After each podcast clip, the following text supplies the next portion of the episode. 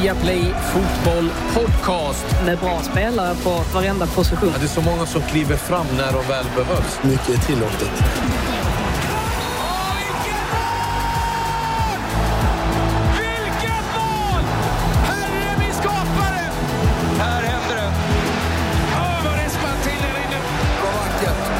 Nej, bästa dagen på året. Det största som har hänt fotbollen någonsin i princip. Hjärtligt välkomna ska ni till Viaplay Fotboll Podcast. Vi sänder ifrån I Like Radio-studion i Stockholm och eh, med mig här inne idag har jag Jonas Olsson. Välkommen. Det är bra? Ja, det är jättebra. Kom, från, kom upp från Skåne i morse. Uh, och, vad är hemma egentligen? Stockholm ja. känns mer och mer hemma. Ska jag säga. Luftrummet känns som att ditt hemrum Lite så. Ja, det är härligt. Det är härligt att ha dig tillbaka. Eh, och eh, Frida, du är med som vanligt ifrån eh, London.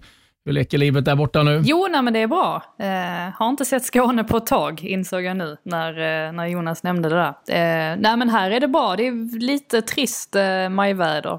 Jag vill gärna få eh, hit sommarvärmen så snabbt som möjligt. Men det är en spännande vecka här, och spännande helg vi har framför oss. Så att jag har ingenting att klaga på. Lite en eh, snabb koll på vad är det som gäller nu. De har släppt på lite publik runt om. Eh, är det så att eh, de har öppnat upp i övrigt också? Nu har de ju, i måndags tror jag det var va, så öppnade de restauranger och pubbar till fullo, vilket innebär att nu får man sitta inomhus och äta också, det fick man inte tidigare.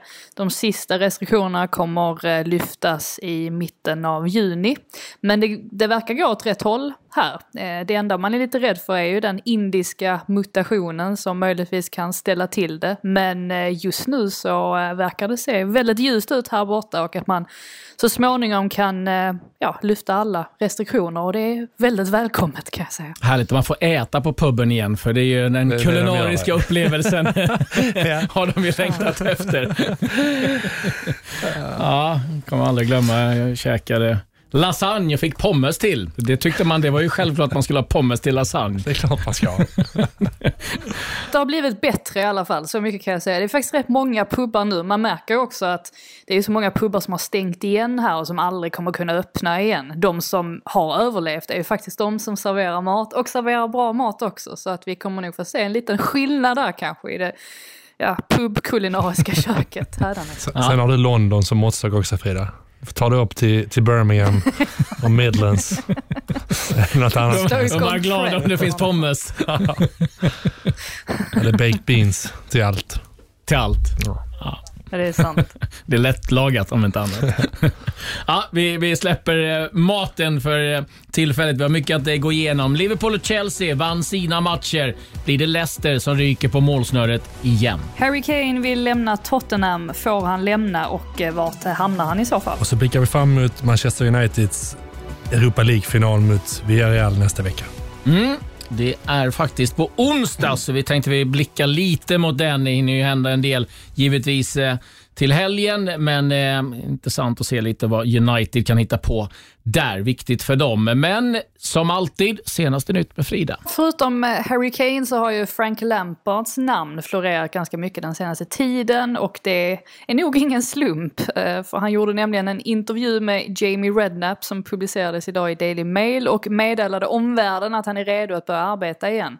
Eh, och så uppgifterna huruvida Lampard är aktuell att ta över Hodgson, ta över efter Hodgson i Palace går isär men vi lär nog få se honom i någon klubb klubb rätt snart i alla fall. Och eh, Man Citys ägare Sheikh Mansour kommer bekosta flygresa och transport för de supportrar som vill åka ner till Porto och se Champions League-finalen på plats. City och Chelsea har ju tilldelat 6000 biljetter vardera till matchen som spelas den 29 maj.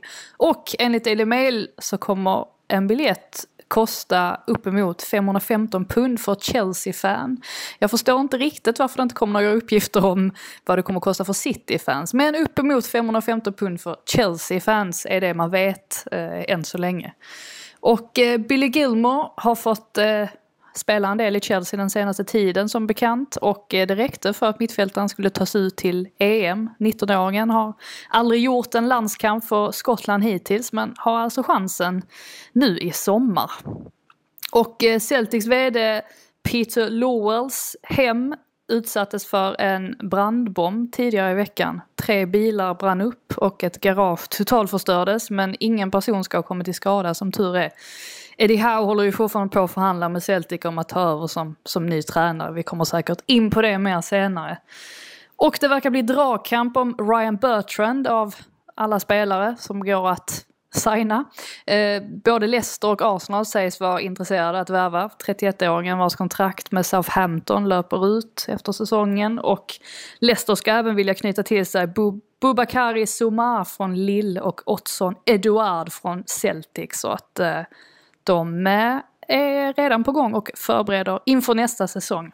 Det var väl lite vad jag hade. Ruben Diaz är utsedd till årets spelare av Football Writers Association. Eh, vi har också fått klartecken nu vad det gäller Raúl Jiménez ifrån läkarteamet så att han kan eh, köra igång nästkommande säsong. Glädjande nyhet också vad det gäller Sol Bamba som nu meddelar idag att han är helt cancerfri. Det är glädjande nyheter eh, vad det gäller Sol Bamba. Sen har vi ju sett, eh, Frida, du har kanske lite bra koll på det, man har ju haft en eh, petition, en motion eh, som eh, man har bett fans skriva under. Det var ju Gary Neville och company som eh, eh, satte igång det där och eh, enligt eh, engelsk lag så är det så att det är över 100 000 underskrifter. Då måste man ta upp det här på regeringsnivå och 14 juni så kommer det debatteras då i parlamentet eh, om det här då att det har några supporter, eller som att man har någon oberoende panel, är det väl det bästa sättet man kan säga inom eh, engelsk fotboll? Ja, nej men exakt. Det är väl deras försök att få till någon sorts,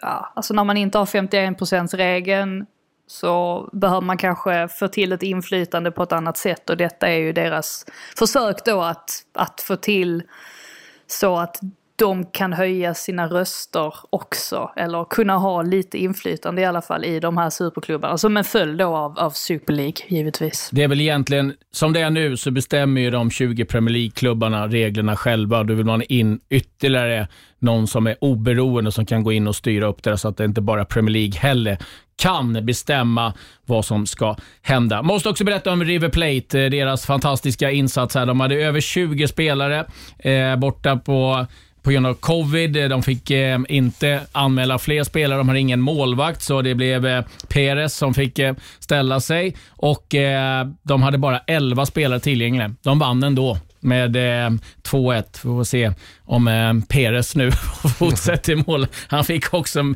pris av matchens lirare.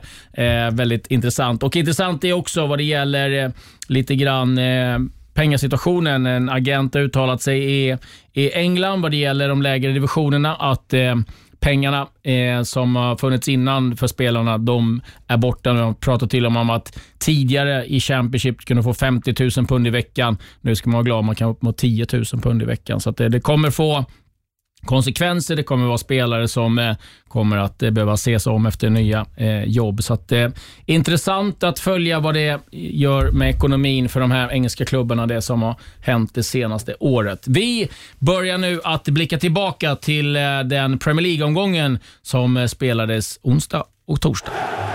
God kväll, det här är Stamford Bridge och det här är publiken tillbaka igen i Premier League. Lite finalstämning, det var ju riktig final på Wembley här i lördags i FA-cupen mellan de här båda. Nu är det finalkaraktär av en plats i Champions League. Vänder de snabbt! Mount som kommer till ett hypersnabbt avslut där i vändningen. Den är... Oh, är den på mållinjen eller är den inne? Är den inne? Är det mål?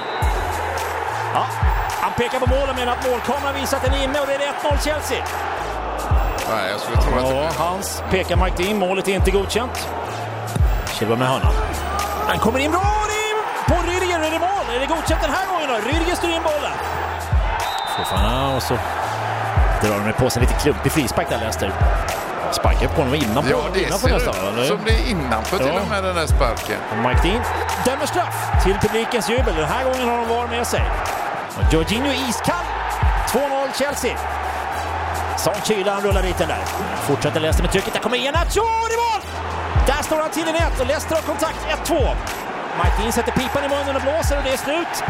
Och Rodgers och Tuchel kan klappa om varandra och Chelsea får revansch för cupfinalförlusten. Men Chelsea skaffar sig ett bra läge också att ta sig till Champions League. Huge win Saturday. Obviously, couldn't quite repeat the trick tonight. How did you see proceedings? Yeah, no, it was a I thought a very hard fought game.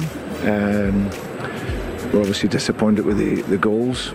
You know, we, we conceded a needless corner, uh, and then didn't uh, didn't pick up them well enough. And obviously the the second the, the penalty I think is very very very very harsh. You know, I think, uh, but it, it's one that you know Wesley will learn from. He's he's so good in so many ways, but you just got to be patient in that one and, and, and look as well. But they're 19 years of age and 20 years of age. The two boys, they've been absolutely amazing. Tonight will be a, a really good learning for them. Did the crowd have a big impact on the emotion in that match? Do you think? No, I don't think so. I thought it was a great atmosphere. You know, it's, it's brilliant to have the supporters back. Uh, I thought we had to weather that storm, which we, we knew would come in that first period of the game. Uh, so, um, so yeah, and, and we did that. Like I said, we the nature of the goals we gave away weren't so good, but our reaction at, at 2 0, we, we kept fighting, kept working, we scored a very good goal. And probably the only criticism was maybe in that last 15 minutes or so, just a little bit more craft, I think, and, and just work away into the box a little bit more rather than looking for those um, killer passes too early. You, you did have a massive chance at the end, though, didn't you, with Perez? Yes, yeah, we worked it really well, and that's what we're saying. I think if we had showed a little bit more patience, then we might have created one or two more opportunities. But uh, but no, I always work so hard. Uh, it's, a, it's a good opportunity for him, but uh, but yeah, wasn't to be. Winning with your fans, how special is that? Fantastic because it was outstanding performance. But the job is not done. Is uh, we have two more to go. Did these guys make a huge difference tonight? Huge difference. Huge, huge difference. You see the pace, the speed in our game, the hunger, the ambition was. Uh, was a very, very strong performance. Absolutely delighted that we could, uh, the team can present itself like this in front of our fans. Huge difference. We needed exactly that today for that boost. Big win, but it's not done yet. It's not time for celebration. Were you also fired up by losing the cup final, do you think? Sorry? Were you fired up by losing that cup No. final? Was that a revenge performance? No, cup was cup. We were fired up from our loss against Arsenal. We uh, that was the setback. Cup was cup. Like I said, I take the same performance again. It was we were unlucky, and uh, today we did what we do. We play courageous. We play high intensity. We played aggressive. Happy to have the win, but I can still repeat, and I need to repeat. It's not done. Robertson, då Firmino! Det är mål! Det är mål, det är Firmino! Det är Firmino som gör det här viktiga målet. Mané, Gudmundsson och där har vi Philip! och där har vi mål! Det är mål, det är Philips, det är en rejäl nick. Också Chamberlain, han kan göra mål. Viktiga mål. Och det gör han här också. Och Slade Chamberlain is back in business. Det är 3-0 för Liverpool och de har allt i egna händer inför mötet med Crystal Palace på Anfield på söndag. What gave you the more pleasure, the first goal for Liverpool or the one you cleared off the line? It off the line every Really? time. Yeah, it's my job to stop the goal from ball from going in the net, stop goals. So um, if I can get on the score sheet, then you know, happy days, bit of a bonus. But I'd much rather have a clean sheet. What difference does it make to you psychologically, the fact, although you've still got a job to do against Crystal Palace, it's in your hands now?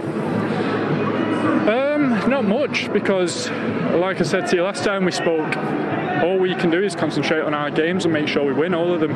Um, obviously, we know now that if we win the next game, um, as long as Leicester don't go on to score a load of goals in theirs, then our job's been done. But um, you never go into a game thinking if we draw, we're all right or whatever. You go into every game wanting to win the match, and that doesn't change, and it's the same at the weekend. How much does this set us up, though, for a grand finale Sunday? Yeah, I'm looking forward to it. It's gonna it's gonna be a good weekend. Um, so I'm excited. What we've got to do now is uh, recover, rest up, prepare ourselves, and uh, one last push, and hopefully finish in that Champions League spot.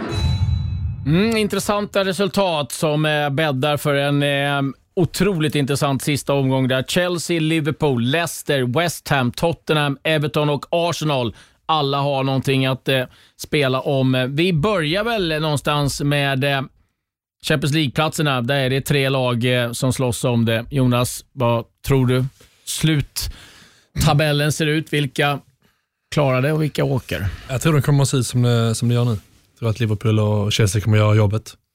Liverpool, eh, ja, men de ska slå Palace på hemmaplan, Uh, och, och för, för Chelseas del så, ja, det är klart att det är en tuff bortamatch mot, mot Villa på Villa Park, men uh, jag tycker att, som Tuchel sa i intervjun, att sen har han inte över egentligen. Ja, det har varit någon plump, West Bromwich, Arsenal såklart, men i prestation har det inte varit, den har varit uh, på, en, på, på en hög nivå hela tiden. Så att, jag tror de, de kommer vara starkare starka i respektive matcher. Jag tror också Leicester kommer vinna sin match, men tyvärr för deras del så kommer det inte räcka.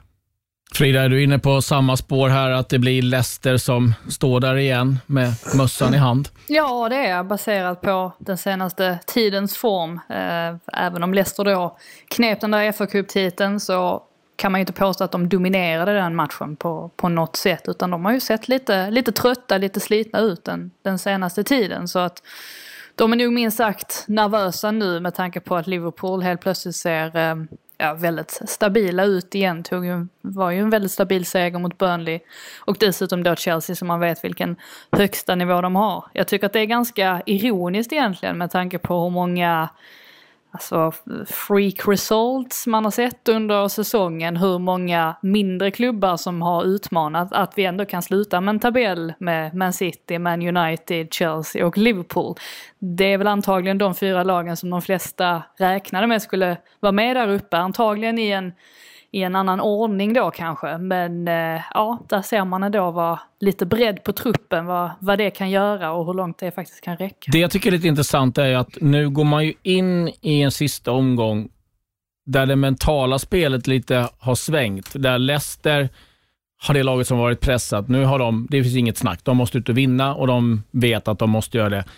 Liverpool som har jagat också varit lite så här att, ja men, vi bara köra. Nu är helt plötsligt det de som har någonting att och förlora. Chelsea lika så. Tror att det kan påverka, för vi har ju sett det. Menar West Bromwich gjorde livet ut för, för Liverpool. Burnley stångades på ganska länge, eh, även de mot, eh, mot Liverpool. Aston Villa gick ut och förstörde för eh, för Tottenham till exempel, som har också mer att spela för. Men jag tror, som Frida säger, att ja, det gör sig gällande truppbredden i slutet av säsongen. Men det som också gör sig gällande är ju erfarenheten av att ja, men Liverpool har varit i liknande situationer tidigare på ett helt annat sätt än vad, vad de spelarna i, i, i Leicester har varit. Eh, du är inne på det, ja, West Bromwich gjorde livet surt för Liverpool och, och, det är ju små marginaler i slutändan. Samtidigt så, så har det, det finns ju en anledning till att att Vardy spelar i Leicester och Salah spelar i Liverpool till exempel. Eh, du har ju de spelarna som, som, som gör det lilla extra när det verkligen gäller. Eh, och Det är någonstans därför de, de klubbarna hamnar där uppe till slut. Eh, år ut och år in. Ehm, och, och, och, som sagt, hantera, jag tror att det är en kanske den viktigaste aspekten, att kunna hantera den här pressen och kunna eh, game management och så vidare. Och, och eh, där tror jag Leicester har, de är inte där riktigt, de är där tycker jag i, i kvalitet rent, rent fotbollstekniskt, fotbollsmässigt. Men det är den sista biten, den sista mentala biten tror jag som, som saknas. Och det är klart att det sitter i huvudet på spelarna och man pratar om Brendan Rodgers som, som har gjort men, I förra året så tappade de Leicester och 2017 eller när det var med, nej tidigare så var det väl med, med Liverpool, när man, när man tappade i slutet också. Och det är klart det sitter i hans huvud också. Sen så, om det är något konkret hur han coachar sitt lag eller att han, han, han, han har några brister när det, när det väl gäller, det, det är svårt att säga utifrån. Men, men, eh, men jag är övertygad om att eh, det, även för han kommunicerar att det inte gör det, så är det klart att han, han eh, tänker på det och påverkas av det. Tror jag. Hur tror du man resonerar i, i Leicester? Alltså, det är klart att eh, topp fyra placering, spelar Champions League, det är pengar. fa Cup-titel, ändå en titel. Vad tror du Frida? Liksom, eh, är man nöjd, glad, stolt över det eller kommer det vara en djup besvikelse över att man missar CL-platserna? Jag tror att Leicesters styrka, ända sedan ligatiteln egentligen under hela årtiondet nu sen eh, de nya ägarna kom in. Jag tror att en av den största styrkan har varit att de alltid har sett sig själva som en liten underdog, som en mer familjär klubb än vad de här Big Six-klubbarna är. Och jag tror att det har spelat till deras fördel, inte bara när de har rekryterat spelare. Ehm, vi vet ju hur fin Joey Tillemans har sett ut den senaste tiden, denna säsongen och hur mycket han har spelat och vilken stor betydelse han har haft för laget sen han anlände. Men det kanske inte hade varit lika lätt för Tillemans som då hade misslyckats i Monaco att komma till Arsenal till exempel, eller Chelsea eller vad som helst. Men i Leicester så får man tid på sig att att akklimatisera sig i lugn och ro. Så jag tror inte att Leicester har någonting emot av att ha den stämpeln på sig, även om supporterna förstås vill att de ska tas mer på, på allvar. Men det är ju en annan sak. Och FA-cuptiteln, det var nog ingenting de hade föreställt sig att den skulle betyda så mycket. Men med tanke på reaktionerna efter matchen, hur alltså ägaren Topp gick runt där och, och kramade alla spelare, så, så tror jag nog att den betydde mer än vad de hade trott på förhand. Gary Lineker twittrade ju, är lätt för honom i och för sig, men han twittrade ju efter förlusten mot Chelsea att han tar hellre en fa Cup-titel än en Champions League-plats. Så jag tror inte att det är sådär jättemånga som eh, alltså jättemånga Chelsea-supportrar eller Chelsea-spelare som kanske hade sagt samma sak, men det visar ju också att det är två klubbar som kanske har lite olika typer av, ja, alltså inte ambitionsnivåer, men det är olika saker som är viktiga för de olika klubbarna. Och för Leicesters del så, så är det ju bara att fortsätta på det här sättet som de har gjort nu så himla bra under de senaste tio åren och eh, se till att hålla sig kvar i det, i det övre skiktet. Så på så sätt, oavsett vad som sker på söndag, så tror jag nog att de kommer se, se tillbaka på den här säsongen som, som lyckad. Så blir man ju lite glad själv att, att en titel betyder någonting mer än en fjärde plats. Mm. Och, och där, om du frågar spelarna i, i England, så FA-cupen vet Frida också som, som, som bor på, ö, på, på öarna nu, att man förstår nästan inte riktigt hur stor FA-cupen är härifrån. Den är, betyder otroligt mycket. Och om du frågar spelarna så, så är jag helt övertygad om att merparten hade valt en, en fa Cup-seger före en, en, en Champions League-plats. Sen så, som Frida också är inne på, det är klart att en Champions League-plats är, är, är kanske viktigare för, för Chelsea eller Liverpool än vad den är för, för Leicester. För de har ändå en realistisk chans att gå väldigt långt. Det kanske inte Leicester har. Och, och, och, någonstans där så landar man ju också i truppbredd. Eh, nej, det är kanske inte så att, för det har man ju märkt nu tycker jag på våren när Madison har inte varit eh, presterat på den nivån man, man, han gjorde i höst. Vardy, samma sak igen. Eh, otroligt skicklig höst, vinter. Sen har det inte varit mycket. Evans har varit skadad en del, saknats. Eh, så i det avseendet också så, det är klart man vill ta sig till Champions League, men frågan är om man är redo att, att verkligen ta sig an eh, båda de tävlingarna. Ett luddigt svar på, på din fråga så tror jag det, det, det betyder mycket mer för Chelsea och Liverpool att ta en CL-plats. Också när det handlar om att rekrytera spelare. Om Leicester spelar Champions League eller inte nästa år kommer inte, tror jag, vara så avgörande för den typen av spelare de försöker attrahera för Chelsea och Liverpool så, så kan det vara helt avgörande. Jag har faktiskt spelat FA-cupen med Fischer. Har du det? Ja, det var långt ner i omgångarna kan jag säga. Eh, då hade Jonas inte ens börjat kolla på lottningen. Du började kvala året innan. Ja, typ. Och jag gyttjeåker någonstans. Ja, det var fina tider. Vad heter det? Fisher? Fisher Athletic. Jag har till och med sett dem live. Ja. Sorry Ducks. Ja, um... Väldigt trevlig liten anläggning. Arena går inte riktigt att kalla den, men en fin plats. ja. Är det Surrey? Alltså? Sorry, Sorry ah, Ducks. Nice. Eh, liten annan typ av förening eller klubb eh, på den tiden kan jag säga, eh, än vad det kanske är nu. eh, drevs då av en före detta eh, gangster. Men det ja. en annan eh, historia. Det är en definitionsfråga, om man pratar ägare i fotboll. Exakt. Gangster och så vidare. kan vi onekligen eh, diskutera. Men vi har ju också kvar att snacka om eh, Europa League och Conference League, för där är det då West Ham, Tottenham, Everton och eh, Arsenal. Och eh, Ja, för att eh, citera Harry Redknapp, vad han pratade om Europa League, kan vi väl lägga in Conference League också. Once you're in it, all you wanna do is get out. Hur viktigt tror ni att det är att nå spel i Europa för de här klubbarna? Om vi pratar då Tottenham, West Ham, Everton, Arsenal. Nej, eh, West Ham tror jag för att eh, kröna en, en bra säsong med, eh, med någonting extra. De andra spelarna tror jag resonerar precis så som vad det Rednap du parafraserade eller citerade. Det, det, är bara ett eh, nödvändigt ont, tror jag. Det är fler matcher, det är tidiga kvalomgångar också. Jag tror de går in och kvalar i mitten av augusti, eller andra delen av augusti. Du skulle ha två matcher till där. eh, efter ett, efter ett eh, mästerskapsår. Eh, så att eh, jag tror de kommer närmast, skulle Spurs Arsenal gå till conference, ja, men de kommer att spela reserv och spela ungdomar. Så det kommer i så fall, tror jag, bli, bli ungefär som man eh, närmar sig ligacup. Är du lite på samma spår här Frida? Ja, nej, men det är jag. Eh, vi får väl än se vad det, här, vad det kommer att bli av den här Conference League. Det är ju alltid så när det ska komma något nytt koncept, att man inte riktigt vet hur det kommer, eh, hur det kommer utspela sig.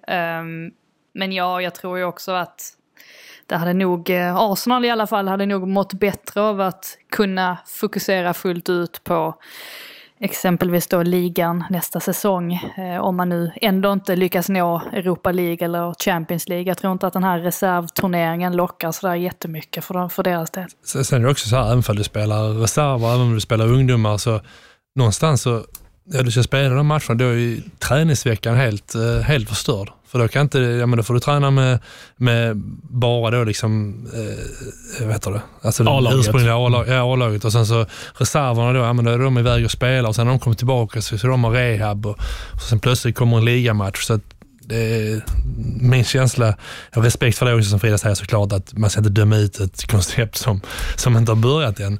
Men det kommer ju förstöra mer än det ger, tror jag. För de här lagen i alla fall. Mm, spännande att se vad, vad det där eh, blir av. Och eh, Ett av de lagen som är involverade i hela den här eh, kampen om e, e, Europaplatser, det är ju Tottenham. Och eh, Frida, där eh, har det nu kommit fram då att Harry Kane har bett klubben om att få lämna. Eh, och eh, Jättemycket snack givetvis om hur det här kommer att eh, bli. Tror du att han får lämna? Om vi börjar där. Ja, det är ju frågan.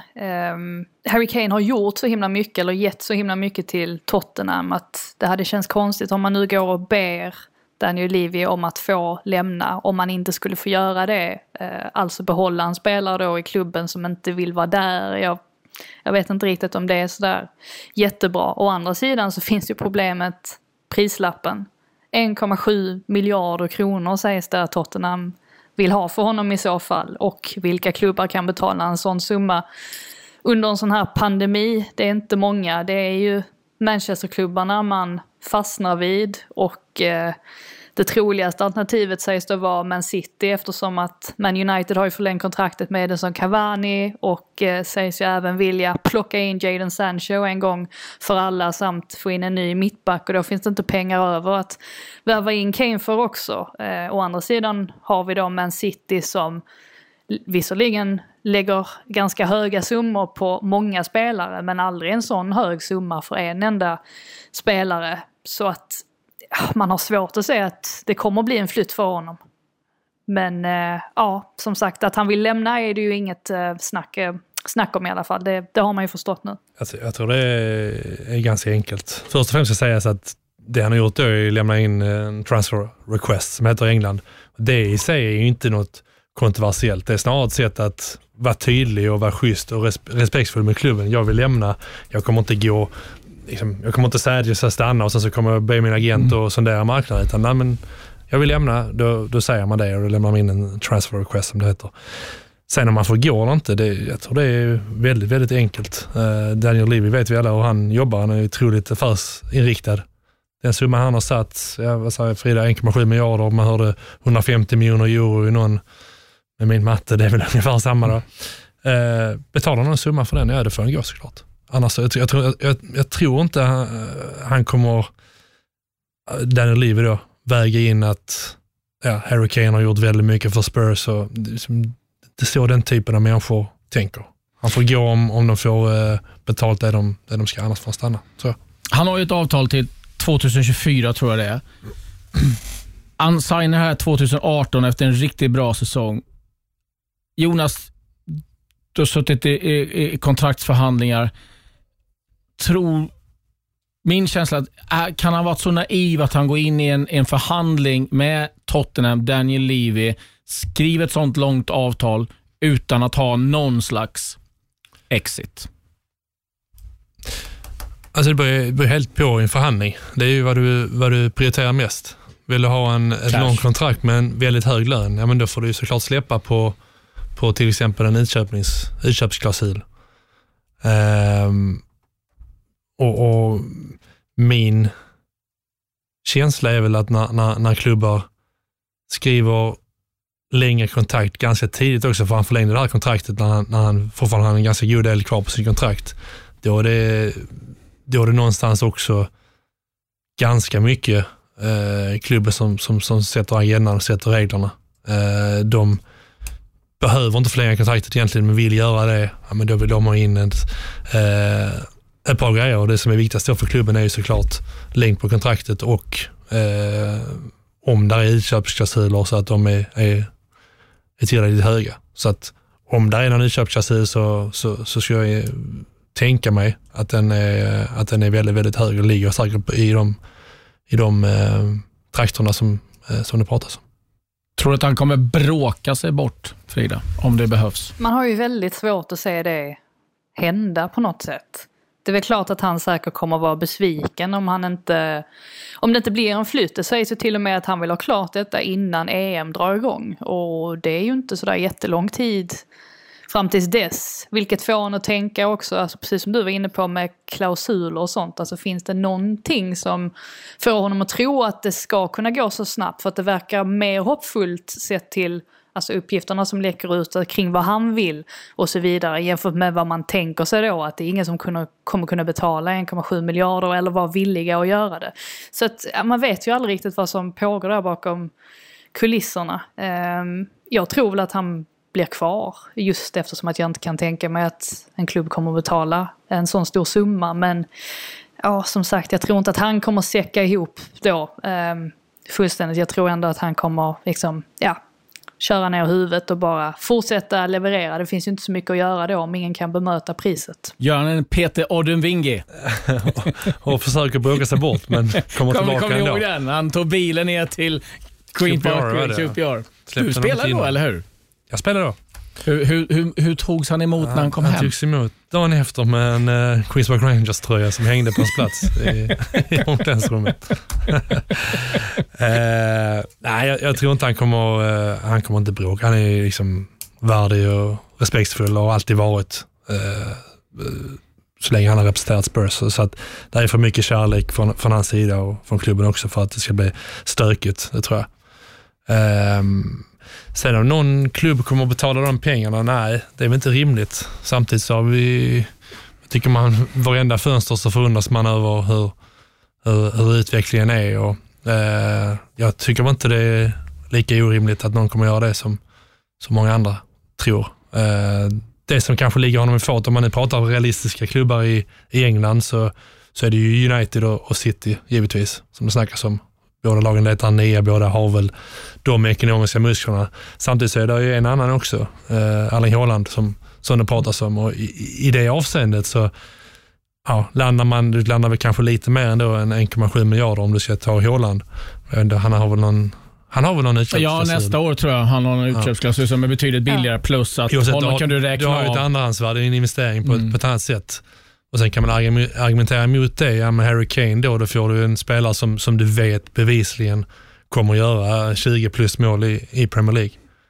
Så att, um, uh, och som sagt, då, men sen vet man ju inte var, var, var Spurs står heller. Liksom. Ja, Daniel Levy som sagt, eh, opponerar jag mot mig själv, att han är, han är en businessman och att han är väldigt, väldigt uh, tydlig och viker inte från det han har sagt. Samtidigt så är Spurs i en, eh, var, står, var står Spurs finansiellt med, med, med kostnaderna från stadion? De har inte kunnat eh, ha publik där, de har inte kunnat ha de här evenemangen med NFL och så vidare, konserter.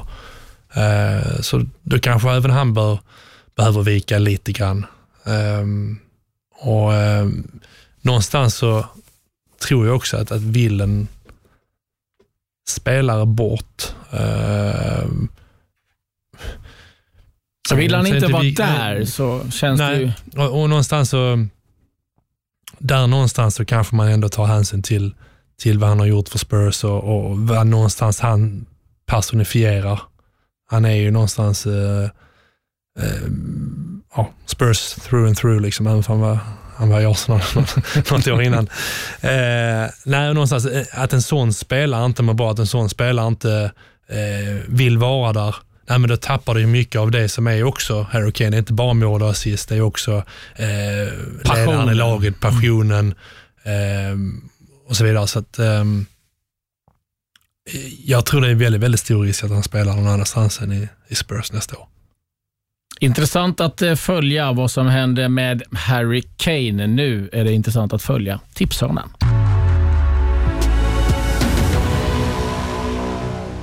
Igår så tog en 45-årig tränargärning eh, slut. Eventuellt, kanske jag ska tillägga. Den tog slut i alla fall eh, i Premier League om vi ska tro honom själv. Här hör vi Roy Hodgson. I think uh, four years it's been not an easy ride. Uh, you know, keeping Palace in the Premiership is certainly not one of the easier jobs around, but it's been a real privilege to do it, and certainly a privilege to do it, uh, as you rightly say, with the club that I first watched play when I was maybe five or six years of age with my, with my father, and it's quite strange that the circle, which has lasted so long, ends up here now at, uh, at the club of my boyhood. Hi Roy, it's uh, Freddie Lundberg. And, uh, Hello Freddie. Uh, hi, hej hej, hur mår du? Ja, mycket tack. Still got the Swedish. Um, no, I just want to take the, the opportunity to say thank you for everything you've done for football. And uh, I've been looking up to you for a long time. And maybe me, I wanted to ask you a question. You've been so good and so successful for 45 years, and a lot of probably changed in football during those years. And what has been the key for you, and how would you been able to to change, and uh, how can you been so successful for so many years? It's intriguing. Well, I think one of the things you're going to do if you're going to stay in the game for a long time, you need to live in the present and you need to move with the times and you need to accept the new cultures, you need to accept you know, the, the new ideas perhaps that are coming into the game. And certainly your management style will probably certainly change because you're dealing with a different group of players who've got a, a totally different mindset maybe to players that you started off with so many, many years ago. And there's a big temptation when you've been in the game a long time to look back and think everything was easier before, everything was, was better before, that life was easier before. It's not true, of course, and it's a very dangerous thing to do. And I think one of the things I've tried to do is to, to stay in the present, stroke future, and make certain that I try to adjust to the mores of the day and not to sort of fall back, if you like, on some good times in the past. Well, listen, Roy, um, from all of us, huge congratulations on the career that you've had. Um, I know you love football. We also know that your true love, though, is Sheila. For 50 years, she stood alongside you, eight different countries, all of these different games of football.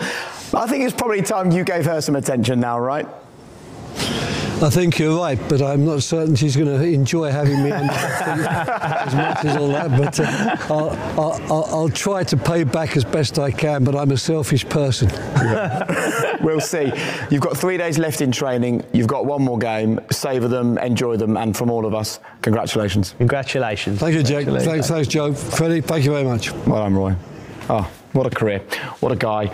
And what a lucky club they are to have had him at Crystal Palace. En eh, Roy Hodgson som eh, fick en Guard of Honor när han eh, klev ut på Sellers Park igår. Och Jonas, eh, du har haft honom som tränare, du känner honom som eh, person. Vi vet att vi har pratat om honom som eh, tränare, hans eh, kunskaper där, men det är hans personlighet som verkligen har hyllats de här dagarna. Ja, och med all rätta. Eh, Det är ju en, en tänkande människa, en tänkande individ och en annorlunda eh, tränare på det sättet, i alla fall från hans generation. I det avseendet att han som britt har väldigt mycket perspektiv från utlandet. Varit Udinese, Inter, Skandinavien, Schweiz och, och, och där var egentligen inga engelska tränare i hans eh, generation, utan han, han var ute och fick med sig eh, kunskaper och språk. Eh, så på det sättet så har han alltid varit relevant, alltid modern, alltid gått med tiden. Och orättvist tycker jag att han, han fasas in på grund av sin ålder då kanske ofta när man pratar om Allardyce, Tony Pulis, Alan Pardew och, och så vidare. Men, men ehm, eh, jag, jag trivs, jag hade honom under eh, två år i West Brom och tycker han var fantastisk. Och alla de här mjuka värdena som, som människa som, som gör att har du en, har du en tränare som, som du verkligen trivs med och tycker om genuint, ja, men det är klart att du försöker göra det lite bättre på planen för honom. Och du känner att du, får, du har ett förtroende från den tränaren, men du vill, du, du vill ge tillbaka det. Uh, och det jag känner var unikt uh, i West Brom när vi hade var att nästan alla kände så. Även de som satt på bänken, de som inte var med på truppen. Och det tror jag är, det är någonstans nyckeln i, i ledarskap, i, i, i tränarskap, att, att kunna få med hela gruppen med 25 narcissister, egoister. Eh, att få dem att, att dra åt samma håll och att acceptera att, eh, nej, att du kanske inte alltid är först i ledet. Eh, där, där var han fantastisk och, och eh, det tror jag till stor del har att göra med den erfarenhet han har skaffat sig i Europa, de språk han, han talar eh, och, och, och, hur han någonstans ändå såg alla i, eh, eh, i laget och kring klubben och eh, byggde en fantastisk arbetsmiljö på det sättet. Jag såg Anders Andersson eh, twittra och jag tycker att det sa, eller säger ganska mycket om eh, Roy Hodgson. Han hade honom som tränare i Blackburn eh, 16 år sedan. Eh, springer på honom på VM 2012 och han, hej Anders, hur är läget? Bor ja, dina föräldrar kvar om, på Österlen? Ja. Alltså, det är inte så att han bara haft Anders Andersson som eh, spelare eller liksom och, och, allt det där. Jag vet, att, jag vet inte Frida om du har in, eh, varit intervjuat Roy Hodgson. Eh, men man känner sig sedd av honom. Han frågar verkligen genuint, hur är det? Eh, hövlig och det kan man ju lugnt konstatera att det är inte riktigt samma eh, eh, bemötande man får alla gånger när man eh, mött tränare eller spelare. Nej, det, när jag hörde Freddy säga det där, hej hur mår du? Eh, när han stack in, stack in det under intervjun igår så eh, eh, insåg jag att det är precis som man själv också gör. Att man, man sticker in ett sånt och sen så ser man hur han lyser upp och sen så svarar han. Det är ju det som mm. man har varit imponerad av också, att hans svenska är ju jättebra. Och hur kan det vara det när han inte har varit i Sverige på alla de här åren? Det visar ju vilken, ja, alltså vilken intelligent person det är. Och um, han... Det är, inte, det är inte det att han har varit immun mot kritik, men jag tror inte riktigt att man skulle se Roy Hodgson, även om han såklart har stött på sina misslyckanden, bland annat då med, med landslaget när det inte gick sådär jättebra, så har ju den här verkliga kritikerstormen uteblivit mot honom just eftersom att han är en sån vänlig och genuin människa. Och eh, jag kommer definitivt sakna hans presskonferenser. De var alltid eh, väldigt härliga att lyssna på. Oavsett om de hade vunnit eller förlorat så var han alltid bara samlad och och eh, bemötte alla, precis som du var inne på, med eh, stor vänlighet. Så att nej, han kommer eh, sannoliken bli väldigt saknad. Hans svenska kommer bli saknad också. Den är lite mysig med sån här konstig malmöitisk ja, dialekt. Ja, jag gjorde matchen i, i, igår med Crystal Palace och jag ringde runt lite grann och pratade med Lagerbäck, lite du var inne på, med att han har fått någon stämpel på att de har defensiv eh, tränare när han kom till Halmstad, vann SM-guld 76-79 med dem och sen Malmö FF. Det var ju en offensiv, det var pressspel, högt press, backlinjen väldigt högt upp.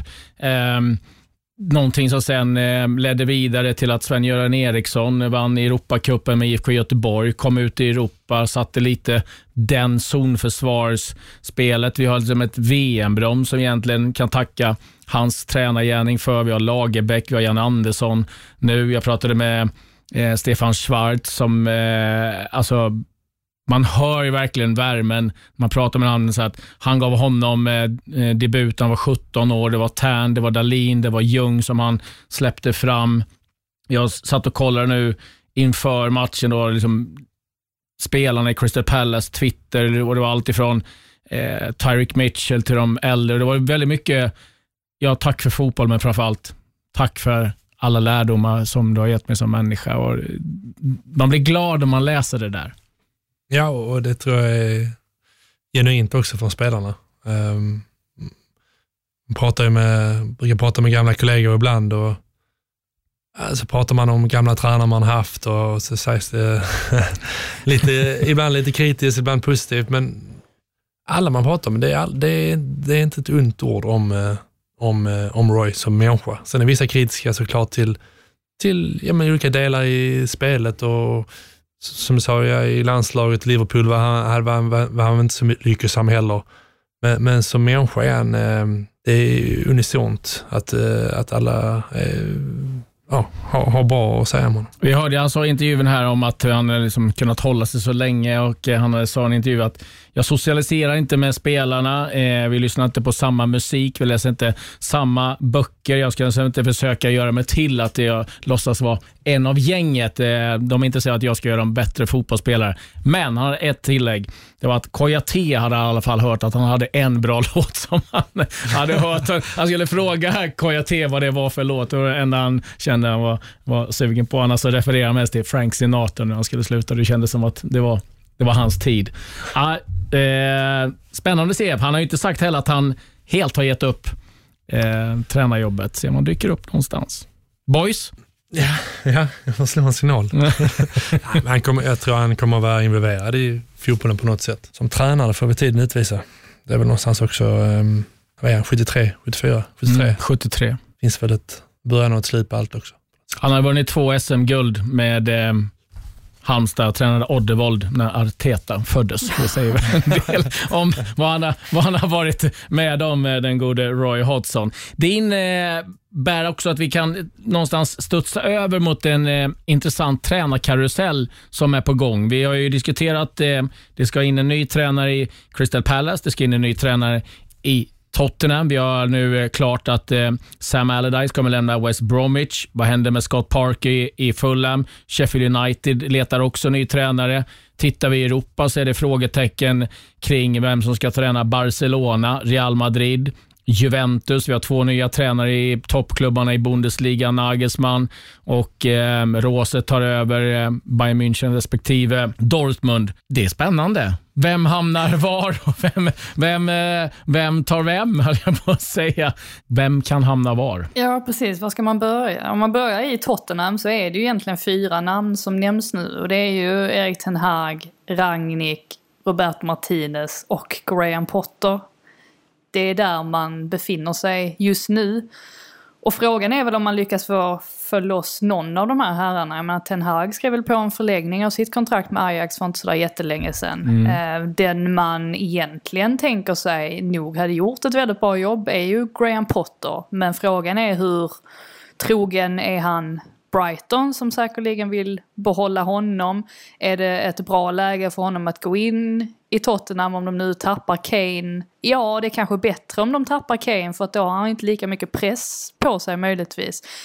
Um, så att det är ju mycket som ska, det är mycket som ska klaffa på något sätt. Och, eh, jag, jag vet inte riktigt hur det här kommer att sluta. När det gäller Crystal Palace så verkar det ju vara, alltså visst, uppgifterna går isär om Frank Lampard, men annars känns det väl som att Sean Dyche ska vara ganska nära det där jobbet, eller att han i alla fall ska vara, vara med i, i diskussionerna. Men ja, det är, det är mycket som, som kommer ske och man tänker sig att de borde ju få klart det ganska snart också för att det är inte en sån där jättelång försäsong. Den är längre än förra året men den kommer ändå inte vara jättelång så jag kan ju tänka mig att en sån klubb som Tottenham gärna vill ha det klart så snabbt som möjligt. Frida är inne på en sån som Graham Potter till Tottenham. Det är ju också ett litet riskabelt läge skulle jag säga.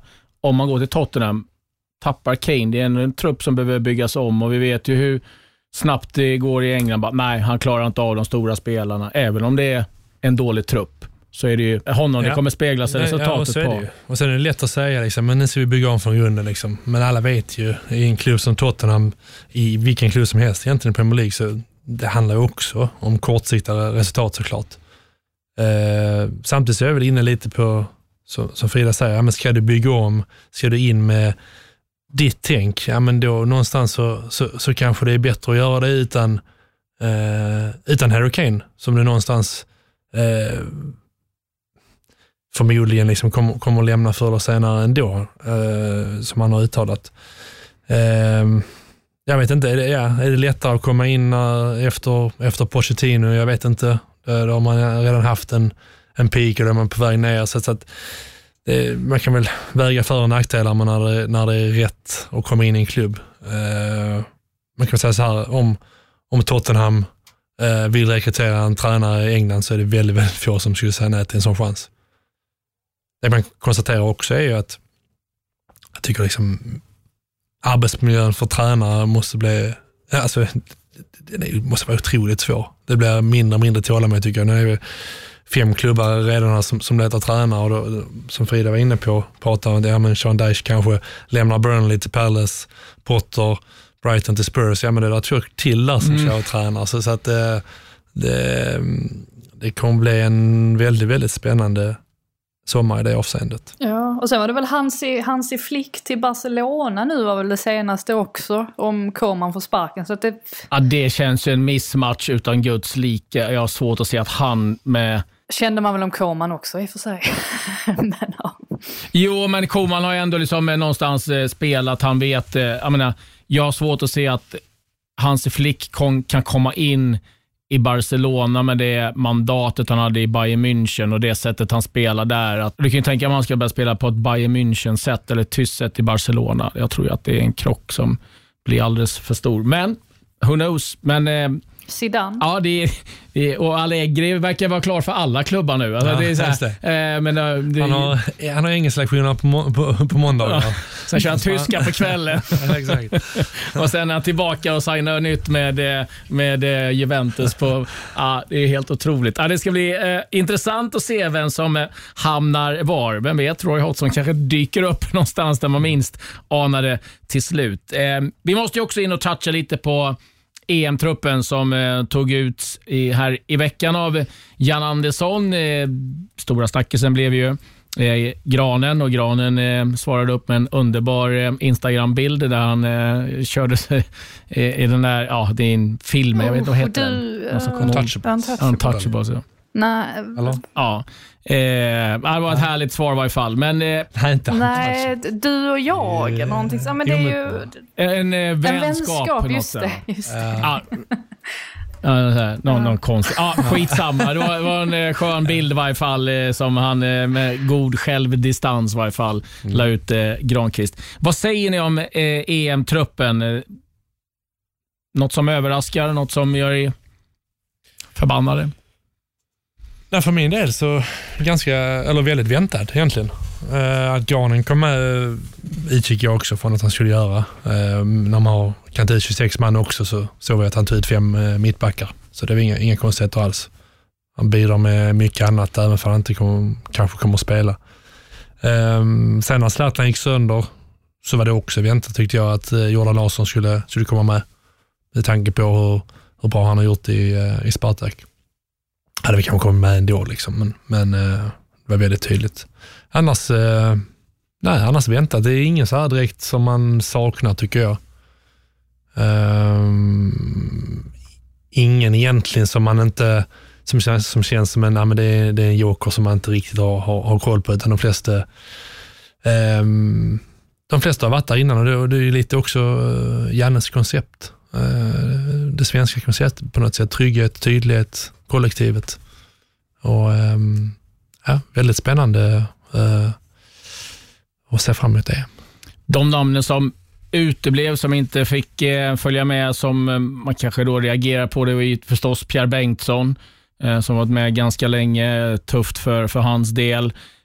Och Sen var det väl Jesper Karlsson som det fanns en del eventuella eventuellt förhoppningar, om vi nu ska säga så, att han skulle eh, kunna vara med. Jag måste säga att jag blev lite förvånad över Gustav Svensson. Eh, hans val, att han fick plats. Däremot tyckte jag det var väldigt kul med Kajuste, som jag tycker gjorde en bra landskamp eh, mot eh, Estland.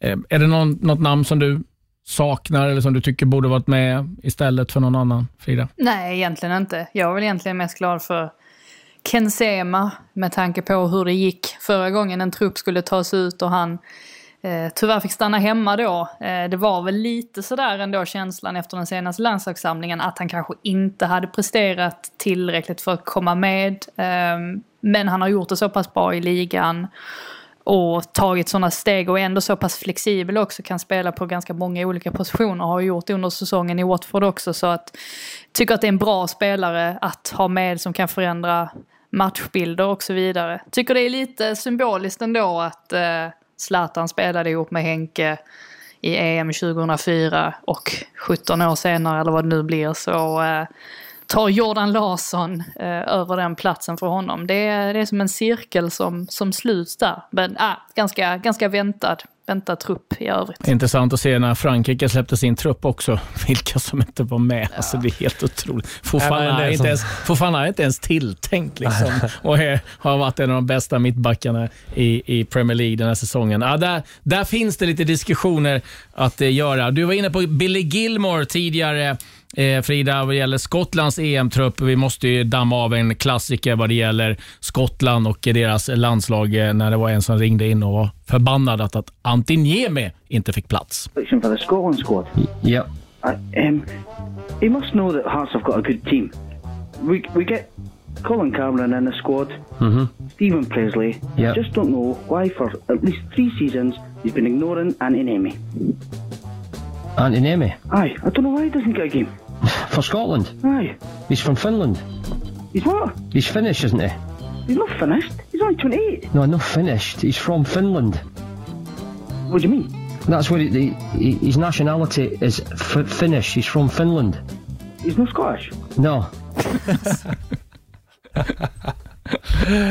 Nej, it's not finished. ah, en underbar. Eh, den har man hört nu varenda dag här. How Ryan Giggs will never get a game for England. Ja. You never know. det är inte så farligt. Ah, ah, det gäller att ha koll på nationaliteter. I och för sig så ah, var det väl eh, Didi Deschamps som eh, eh, sa fel på Koulibaly. Eh, han var själv förbundskapten och förstod inte varför han inte spelar i Frankrike. Jag bara, ah, han är från Senegal. Det kan ju vara ett tips annars. Eh. Men eh, ja, vi, vi släpper det där. Vi, eh, vi ska avsluta med att blicka lite framåt nästa vecka. Det är Manchester United som ska då spela ligacup, eller Europa League-final, så heter det. Stort boll innanför Manchester United som ni ser. Den här bollen går hela vägen fram till Cavani och så ensam blev blivit så försöker han loppar i målet och lyckas ju med det också! Och det är ju ett sätt att välkomna publiken tillbaka onekligen. Kvarten spelad. United leder med 1-0. Här bra läge. Over Reed över åt andra sidan. Glömmer de helt bort honom. Joe Bryan från andra sidan helt ensam. Och nickar in 1-1. Inte alldeles välförtjänt. Och matchen är slut. Det blir 1-1 på Old Trafford. Återkomsten för publiken är eh, förstås en positiv sak och det mesta såg ju bra ut för Manchester United också med det där tidiga målet och full kontroll över matchen. Men som vanligt när man bara leder med 1-0 så kan vad som helst hända och det gjorde det den här gången. Ollie, what did you make of it? No, it was great to have the fans, the buzz, the energy, but um, I don't think we uh, put on uh, the performance that they uh, they wanted and uh, maybe deserved. We had had some good spells, but um, not enough. What was missing? We were too loose, giving the ball away too often, uh, trying the fantastic pass, the flick, the uh, the maybe it's because the crowd came in and we wanted to enter- entertain them. That's they'll be more entertained if we play it properly and score goals. I had to wait 14 months for a goal. Yeah. Was it worth waiting for? The goal was worth waiting for. A great uh, uh, touch by Bruno, if if I'm uh, correct, because a good pass by uh, Eddie. I, I, th- I think uh, if he didn't touch it, maybe Edinson would have been offside. Correct. Yeah. So uh, good movement by him, and the way he finished it off was uh, excellent. That's just a goal scorer. He had one of them against. Uh, PSG here in the Champions League that missed, so uh, it's a good thing. That you can see uh, see uh, that he's learned. You changed things around tonight. What did you learn from the changes you made? Ah, well, we we know that we are at the end of a season. It's we're tired. We need to uh, get le- uh, minutes into some, rest some, because we need to be ready for the, the last game of the of the season. That's the most important one now. How much of a concern is it? That's one point from the possible nine, last three home games. Yeah, uh, very much so, because we've lost eight points from uh, uh, in a period that we should be like bouncing, going into the next game, looking forward to it, looking forward to the final, go into that confident. But um, we need to sort a few things out. Stop. Yeah, stop uh, trying to be the world beater and just play as a team. Lite oroande med formen just nu då för Manchester United. Cavanis mål, eh, fantastiskt eh, fint.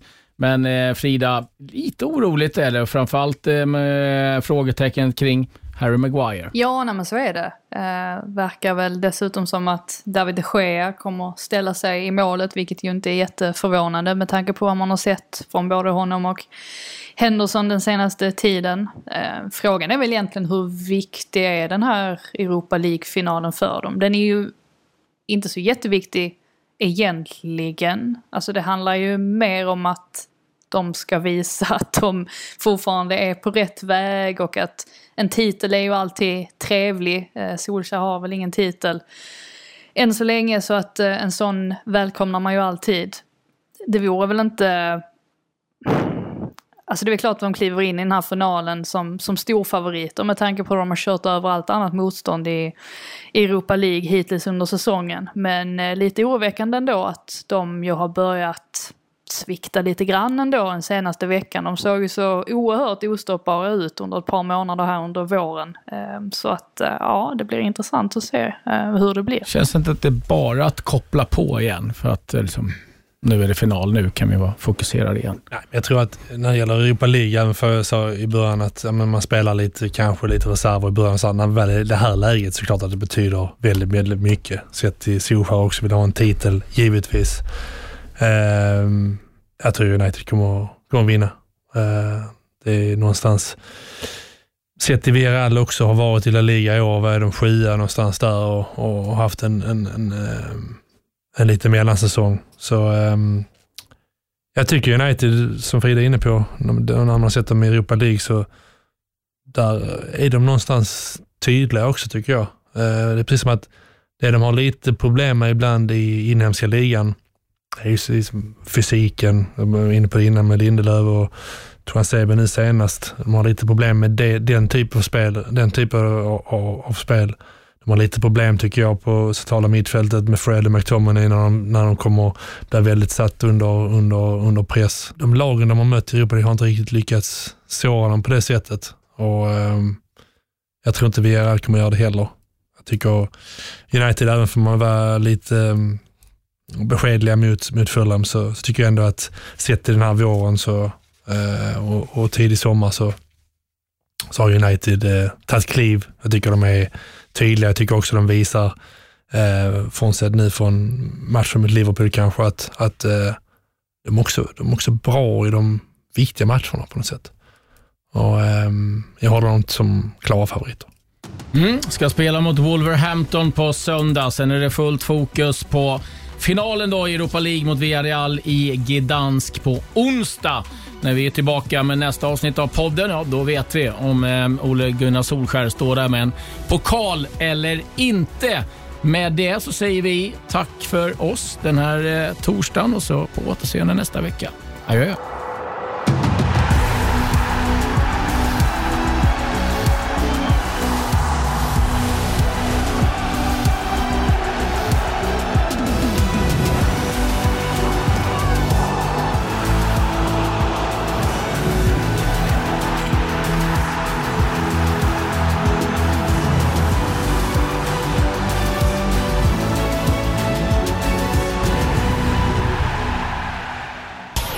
Produceras av I Like Radio. I like radio.